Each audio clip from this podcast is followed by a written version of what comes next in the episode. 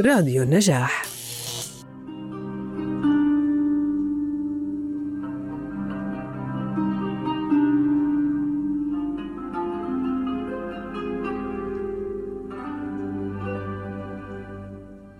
سهرة طرب مع مرسيال خليفة. عاشق فلسطين الوطن عاشق فلسطين القضية. ثائر ولكن على طريقته الخاصة أوتاره هي سفينة البذار. ضد سطوة المحتل وجبروته.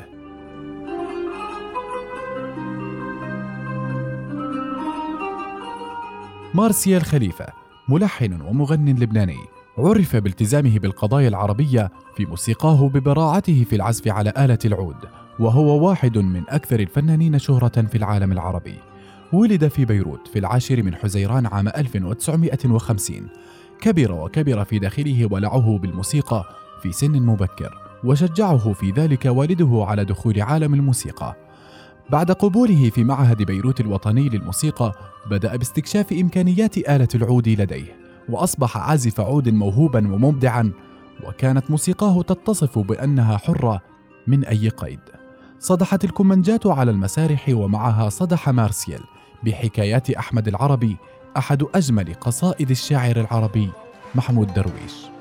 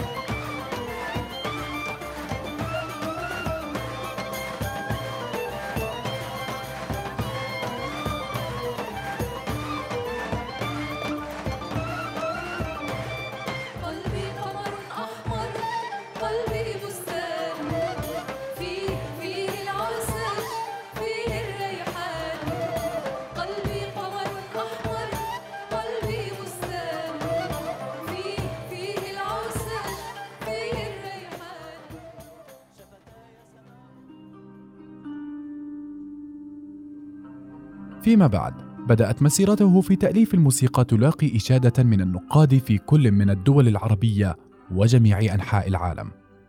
برز عمله كمزيج من الموسيقى العربية التقليدية والآلات العربية مثل البيانو والساكسفون. استفاد من الشعر العربي الحديث وألف أغاني حول مواضيع تتعلق بالقومية والثورة. مارسيل القدرة على خلق الموسيقى الأصلية فقد تميز بطابع فريد بلمسات لبنان. فكانت أمي وجواز السفر أفضل شعارات يحملها ويرددها الجماهير العربية المنادية بالنضال في الفترة ما بعد النكسة. صار النغم جواز سفره وخبز أمه أطعم الكل.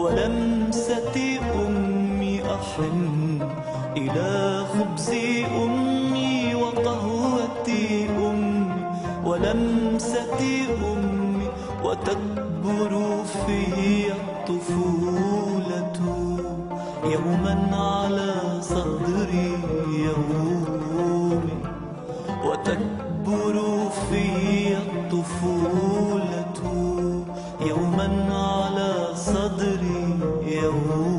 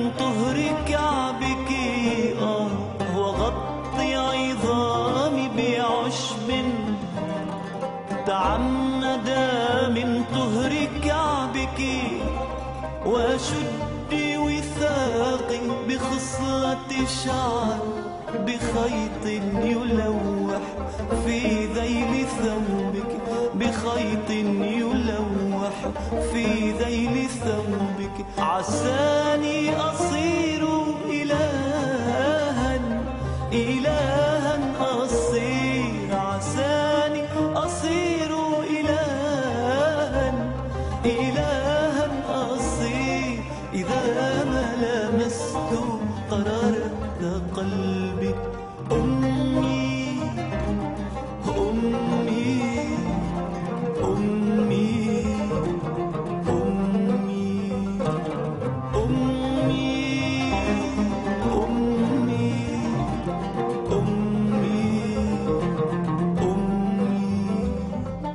Oh.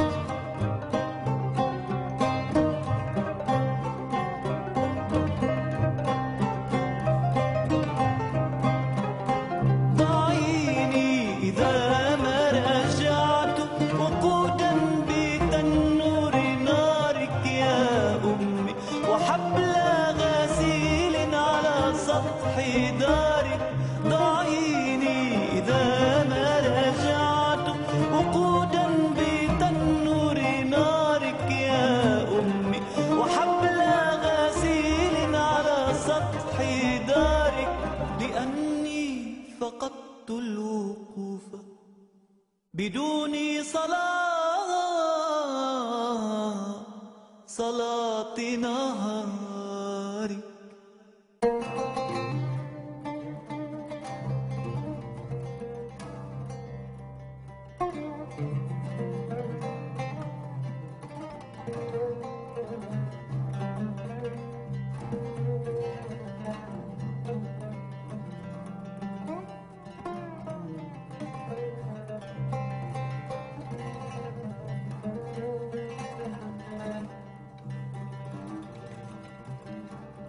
لأني فقدت الوقوف. بدون صلاة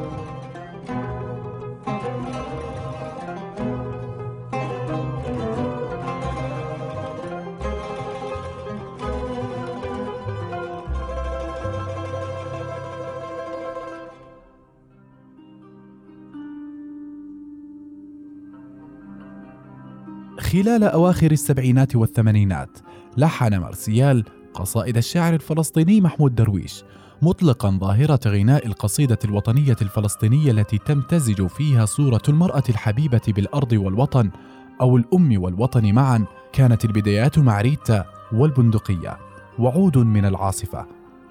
واستمرت لسنين محققة مزيجا رائعا بين العود وشعر درويش الرمزي الوطني العاشق.